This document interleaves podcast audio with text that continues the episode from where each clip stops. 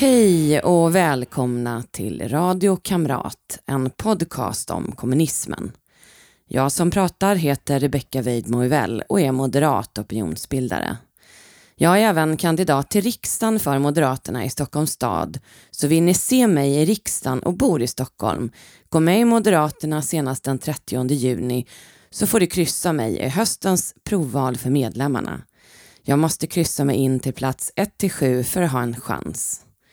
Syftet med Radio Kamrat är att fylla det hål av kunskap om kommunismens förtryck som finns och som gör att kommunister trots all fakta ändå anses rumsrena.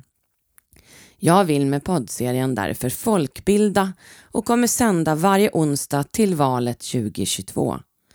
Jag har ingen finansiering av podden och inga annonser. Jag är därför beroende av mina lyssnares stöd. Vill ni stödja upplysning om kommunism kan ni bidra genom att swisha till 123 444 5847 eller ännu hellre bli Patreon på patreon.com och sök efter Rebecca Weidmo så hittar ni mig där. Sponsra med 9 kronor per månad och uppåt. Förra veckan fick ni höra om KGB-spionen Jan Guillou, om Socialdemokraternas egen underrättelsetjänst Sapo och om Olof Palmes inblandning i IB-affären. Men det finns ännu mer berömda spioner.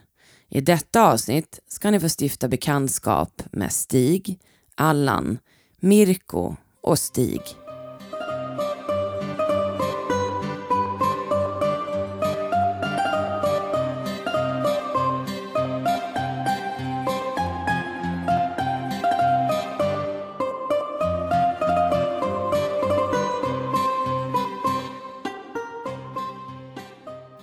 Kommunisten Allan Nyblad föddes den 21 mars 1906. Hans bror Knut Nyblad föddes två år tidigare. Även han övertygad kommunist. Allan anställdes som ordonnans på Försvarsstabens kryptoavdelning 1941. 1940, kort efter att nazisterna ockuperat Norge, krävde tyskarna att de skulle få använda den telegrafkabel som gick från Oslo genom Sverige till kontinenten. Norge hade redan ett avtal med Sverige om att få använda den som var deras viktigaste kommunikationslinje med resten av världen. Givetvis sa neutrala Sverige ja till nazisterna. Men först tappade man av en kabel i en avlyssningskabel som förde över all information till en egen avlyssningscentral på Karlaplan. Huset låg där Maximteatern ligger idag. Matematikprofessor Anders Börling lyckades på bara två veckor med papper och penna att på egen hand dechiffrera tyskarnas kod. Sedan utvecklade LM Ericsson teleprinters som automatiskt skrev ut telegrammen på tyska. De dechiffrerade tyska telegrammen las sen i en väska för transport från Karlaplan till Försvarsstabens lokaler på Östermalmsgatan 87, ett avstånd på cirka 400 meter. För transporten anlitades ett cykelbud. Allan Nyblad.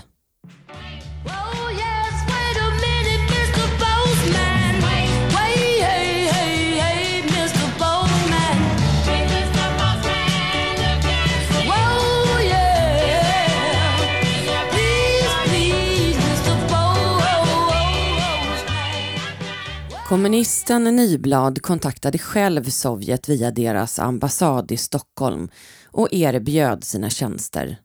Han fotograferade av telegrammen mot kontant ersättning. 1942 greps Allan Nyblad för spioneri och dömdes till straffarbete i 12 år. På grund av honom fick Sovjet veta att Sverige dechiffrerat tyskarnas kod samt innehållet i alla telegrammen. När han greps försökte hans bror Knut att få hans ersättare Åke Persson att göra samma sak åt kommunisterna. Men han anmälde Knut till polisen och även han dömdes för spioneri till straffarbete. Men gripandet av bröderna Nyblad fick väldigt lite uppmärksamhet eh, i svensk media på grund av kriget. I Dagens Nyheter och Svenska Dagbladet stod det till exempel bara att de fotograferat militära inrättningar, ingenting om att de var spioner eller kommunister. Man ville under andra världskriget inte väcka mer uppmärksamhet eller avslöja för tyskarna att man dechiffrerat koden. Detta kanske är skälet varför de inte har fått mer uppmärksamhet i historien. Allan Nyblad dog 1983 vid en ålder av 77 år. I gave a letter to the postman He put it in his sack Bright and early next morning. He brought my letter back. She wrote upon it. Return to sender. Address unknown. No such number. Stig Erik Konstans Wennerström föddes 1906 i Adolf Fredriks församling i Stockholm. Son till en major valde Stig att följa i faderns fotspår och göra karriär i det militära. Han sökte sig till flygvapnet men under utbildningen 1931 störtade han med ett plan efter att ha kolliderat under en formationsflygning. Detta hindrade inte fortsatt karriär och 1936 blev han löjtnant, 39 kapten, 44 major, 1946 överstelöjtnant och 1951 blev Stig Wennerström överste. Där tog det dock stopp. Med ytterligare ett haveri bakom sig ansåg flygvapenchefen att han inte var lämplig att bli flottiljchef. Det var då Wennerström bestämde sig för en annan riktning och läste ryska. Under andra världskriget var Wennerström flygattaché i Moskva 1940 till 1941. Även efter andra världskriget 1948 till 1952 var han flygattaché i Moskva och sedan i Washington 1952 till 1957. Redan 1934 ska GRU fått upp ögonen för Wennerström under en språkkurs i ryska i Riga. Han rekryterades 1948. Han hann spionera åt Sovjet i 15 år innan han greps. Sånt är livet, sånt är livet Så mycken falskhet bor här Den man förlorar vinner en annan Så har vi vännen som du har kär Han kom om kärlek fick han och allt han tog under sin spionkarriär åt de sovjetiska kommunisterna lämnade han ut så gott som hela det svenska försvarsupplägget under 50-talet samt stora delar av det så kallade Draken-projektet, jaktplanet som var det första riktiga överljudsplanet att tas i tjänst i Västeuropa och som kom att användas militärt i över 40 år. Mellan 1957 och 1963 arbetade Wennerström som sektionschef på Försvarets kommandoexpedition. Han gick under kodnamnet Örnen inom GRU. Enligt en avhoppad KGB-agent 1956 varnade han om två spioner i Sverige, en militär och en diplomat med kodnamn Getingen. Den sistnämnda har man aldrig hittat. Säpo misstänkte redan 1953 att Wennerström var spion, men de trodde att han var tysk spion, vilket före detta Säpochefen PG Winge avslöjade i sina memoarer Säpochef 1962 70. Redan 1947 fanns det indikationer på att han arbetade för Sovjet. Senare har det fastlagts att Wennerström faktiskt tillhandahöll uppgifter till nazisterna innan Tyskland invaderade Sovjet. I slutet av 1950-talet värvades hans hushållerska Karin Rosén till agent för Säpo för att spaningarna mot honom intensifierades. Hon fick kodnamnet Peace. Hon hade redan 1959 börjat misstänka att han höll på med något kriminellt och kontaktat polisen. Den avgörande bevisningen var ett antal filmrullar hon hittade i en taklucka på övervåningen och lämnade över till Säpo när hon var agent. Han greps den 20 juni 1963 på Skeppsbron på väg till arbetet. Han dömdes till livstids straffarbete för spioneri. Straffet omvandlades därefter till 20 års fängelse. I september 1974 fick han villkorlig frigivning 66 år gammal. Han dog den 22 mars 2006 i Enebyberg i Stockholm, 99 år gammal.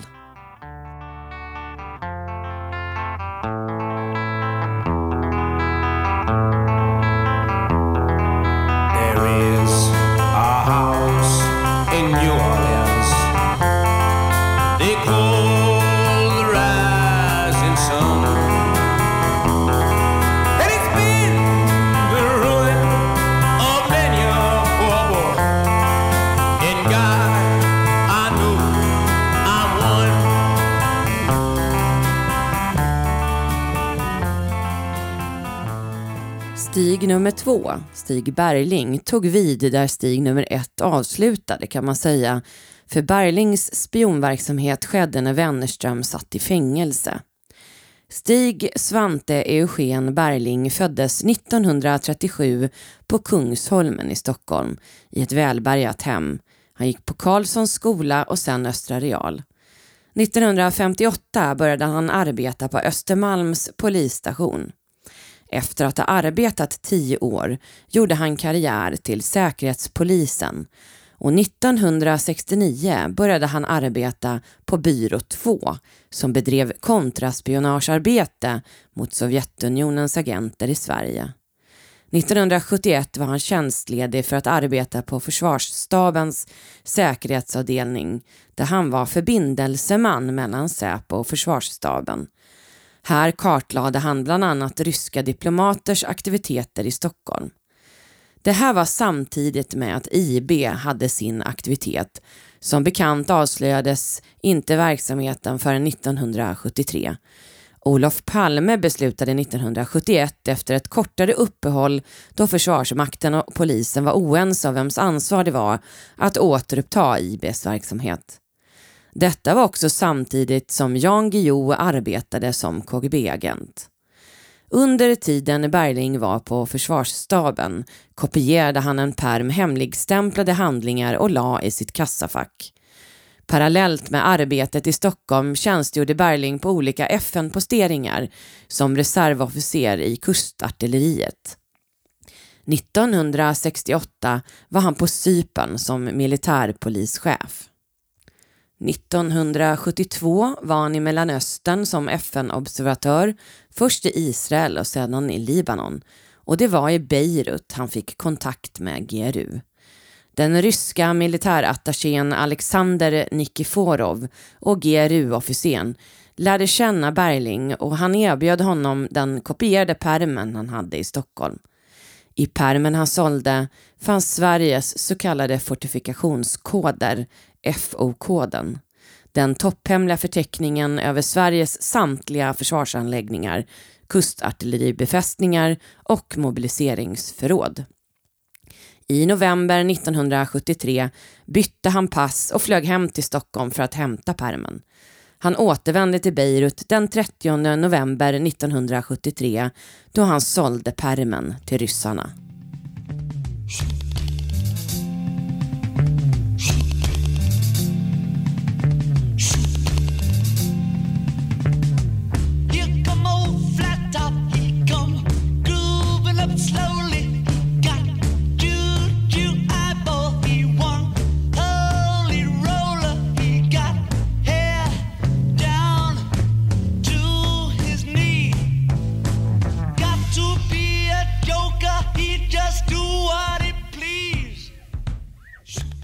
Bergling återvände först 1975 till Stockholm och var då på Säpos ryssrotel.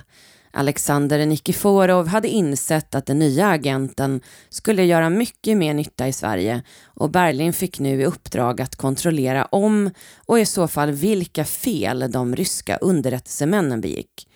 För att ta kontakt med sin handledare skrev han brev med osynligt bläck han gjort med hjälp av karbonpapper. Texten togs han fram med en särskild vätska. Han fick tillbaka meddelanden via kortvågsradio. Sin utbildning som spion fick han i Östtyskland, men Säpo-anställda fick under den här tiden inte resa till någon öststat, så resorna gjordes i största hemlighet. Han spionerade även under krigsförbandsövningar han deltog på som reservofficer, som 1975 när han placerades på den topphemliga kustartilleribatteriet OD, eller Femörefortet i Oxelösund. Han hade som hög stabsofficer tillgång till säkerhetsskåpet där och hade möjligheter att titta igenom handlingar när han var vakthavande. 1976 hamnade han på spaningsexpeditionen vid Säpo och fick då unik inblick i projekt som gick ut på att avslöja ryska underrättelsemän och värva egna agenter bland dem. Men Säpo fattade misstankar då takten Berling kunde bidra till att avslöja ryska agenter växte. Man började misstänka att man hade en mullvad inom organisationen.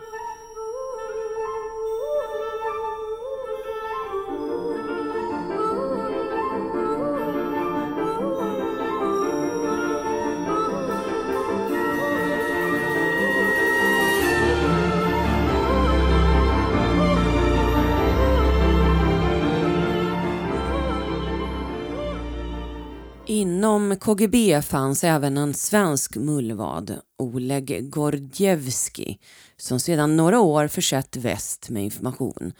Han förstod via sina militära kollegor på GRU att de hade en agent på Säpo, vilket han meddelade sina kontakter på brittiska MI6. Bergling greps den 12 mars 1979 i Israel på väg hem från Jordanien till Sverige, men det gick inga flyg från Jordanien så han reste från Israel. I passkontrollen greps han av israelisk säkerhetspolis. De ville veta om han även spionerat på israeliska intressen under sin tid i Mellanöstern. Sen sattes han på ett flyg till Köpenhamn där han möttes av gamla kollegor från Säpo för vidare transport till Stockholm.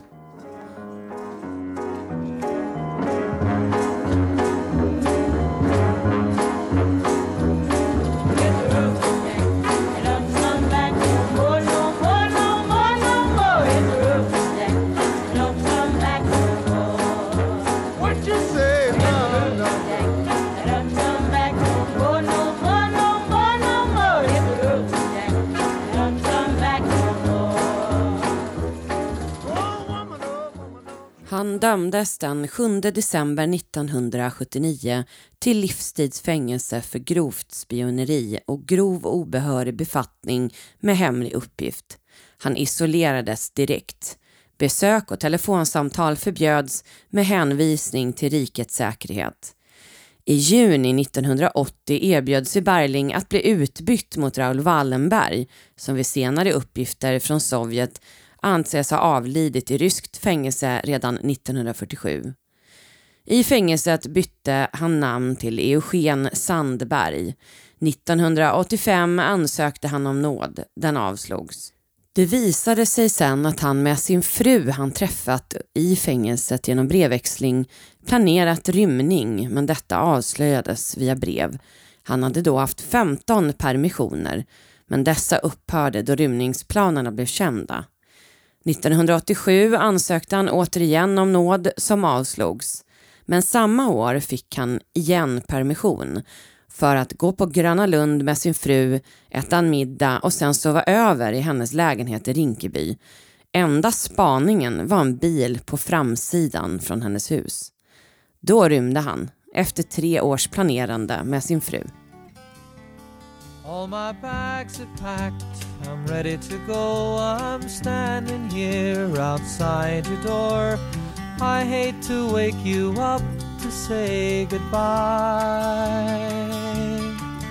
But the dawn is breaking, it's early morn. The taxi's waiting, he's blown his horn. Already I'm so lonesome I could die. So kiss me and smile for me. Tell me that you'll wait for me. Hold me like you'll never let me go.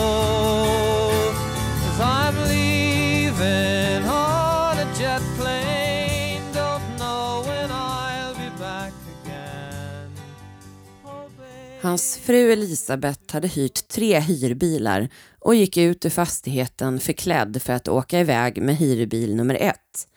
Stig Bergling tog sig genom garaget ut som joggare och den dimmiga kvällen gjorde att spanarna inte upptäckte honom. Han joggade till hyrbil nummer två på en parkeringsplats i Rinkeby centrum, en kilometer bort. Men dit hann Bergling inte, då Säpo kontrollerade alla bilar i området. Frun åkte då istället till hyrbil nummer tre, parkerad i Djursholm. Bergling joggade vidare och på E18 hittade han en ledig taxi som han tog till frun och bilen.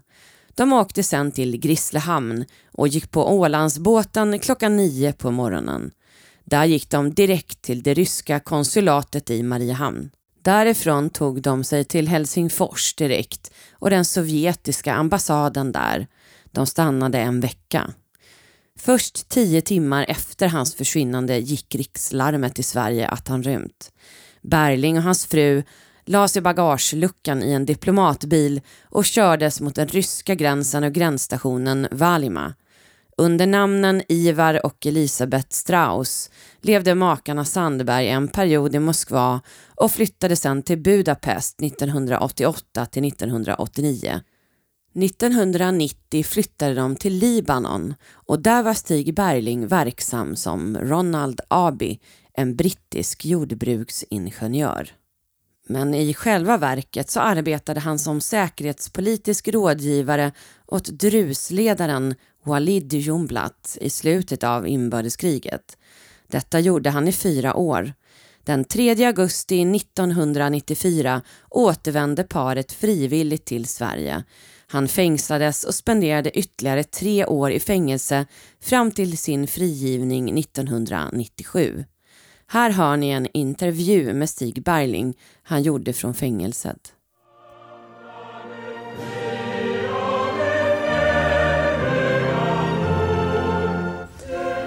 Vad känner du när du hör svenska nationalsången?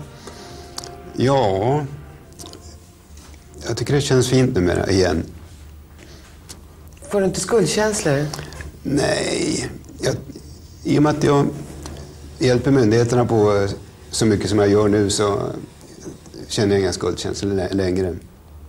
Det började med att du jobbade vid Försvarsstabens säkerhetsavdelning och där kopierade du ett 80-sidigt topphemligt dokument, den så kallade FO-koden, med Sveriges befästningar. Och det fick du kopiera för att du arbetade med det. Jag behövde kopian i arbetet, ja, just det. Men du behöll den. Ja. Du stoppade den i ett bankfack så småningom. Varför gjorde du det? Ja, jag, jag, jag behövde den för min tjänst, som jag sa, att rekonstruera vissa saker. Och eh, jag hade min, en av mina chefers tillstånd mer eller mindre att göra det. Så jag hade den inlåst i mitt skåp och använde den i tjänsten varje dag. Det här, det här blev... eh, Det var i november. Så var jag valet och kvalet. Ska jag förstöra de här- de här papperna eller inte? Men det hör till saken att det kanske låter lite konstigt, men jag blev ganska kraftigt mobbad på Försvarsstabens säkerhetsavdelning. Jag var den enda polisen som var där. Jag var förbindelseofficer mellan Säpo och Försvarsstaben. Och eh, de flesta officerare är inte så där överförtjusta i Säpo och, och polisen överhuvudtaget. Så att jag blev kraftigt mobbad av eh, min högsta chef. Småsaker i kafferummet. Och så småningom blev jag ganska rasande på det där. Och jag, jag hade ju då i november 72 inte börjat arbeta som agent för GRU. Utan, men tack vare att jag blev så kraftigt mobbad så tog jag den här handlingen och låste in i mitt bankfack. För att ha för en rainy day som jag kallar det. Men det är ju konstigt. Jag menar, det finns ju många människor som har blivit mobbade och som avskyr sina chefer. Men man börjar ändå inte tänka på att man ska bli spion. Nej, Det var ju vad du hade i bakhuvudet redan då. ja, man får gå tillbaka väldigt långt i tiden för att hitta motivet till allting. Eh, redan 1944 var jag med pappa på spegelbilderna i, i Stockholm och såg journalfilmer. Bland annat eh, den tyska transittrafiken och interneringslägren i Norrbotten och sånt där. Och pappan stod och frös vid låden varje dag. Var svinkallt, 30-35 grader. Och när han kom hem på permission då berättade han hur det var och hur arga de var på den här transittrafiken. Han sa Sverige är inte neutralt. Det är bortkastat allt där vi står och fryser.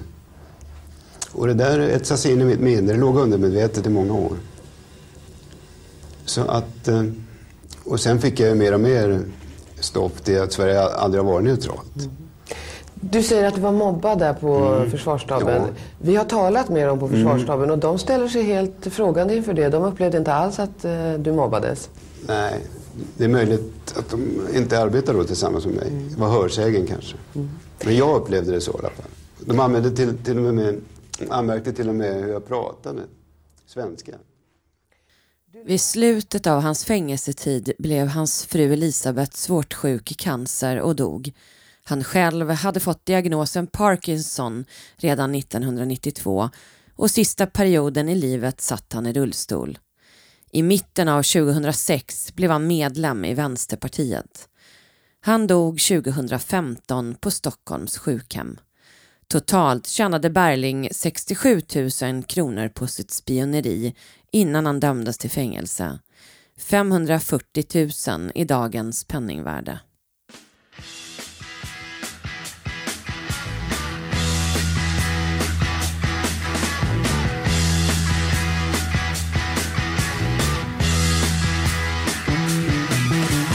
Get your motor running.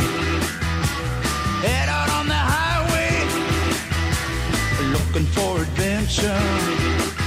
And whatever comes our way. Yeah, darling, go make it happen. Take the world in a loving place. Fire all of your guns at once and explode into space. Mirko Klöverberg föddes i Tjeckoslovakien men lämnade landet 1969. Han lämnade inte bara landet utan även fru och barn. I Sverige gifte han om sig och fick två nya barn i Landskrona. När inresereglerna efter Sovjets ockupation började lätta besökte han sin son regelbundet i Tjeckoslovakien och det är under en av dessa resor han kontaktas av GRU. Men under täckmantel. En man undrar om han kan leverera skyltar till det tjeckiska traktorföretaget Zetor med kontor i Landskrona. Han ombads också köpa kartor över Sverige. Först senare inser Klöverberg att det handlar om underrättelsearbete men väljer att hjälpa till. Han fick lådor med dokument som kom från Tyskland till Tjeckoslovakien. Hans uppdrag var att hitta lämpliga ställen där lådan kunde grävas ner på och gräva ner den. Platsen skulle bara användas en gång. Han greps redan 1942 och dömdes till tre års fängelse för förberedelse för spioneri. Underrättelsetjänsten hade haft span på honom länge och hade även skickat krypterade meddelanden till honom under täckmantel att man var GRU. Ett misslyckat spioneri alltså. Klöverberg är den enda av landets dömda spioner som finns kvar i livet. Han bor fortfarande i Landskrona.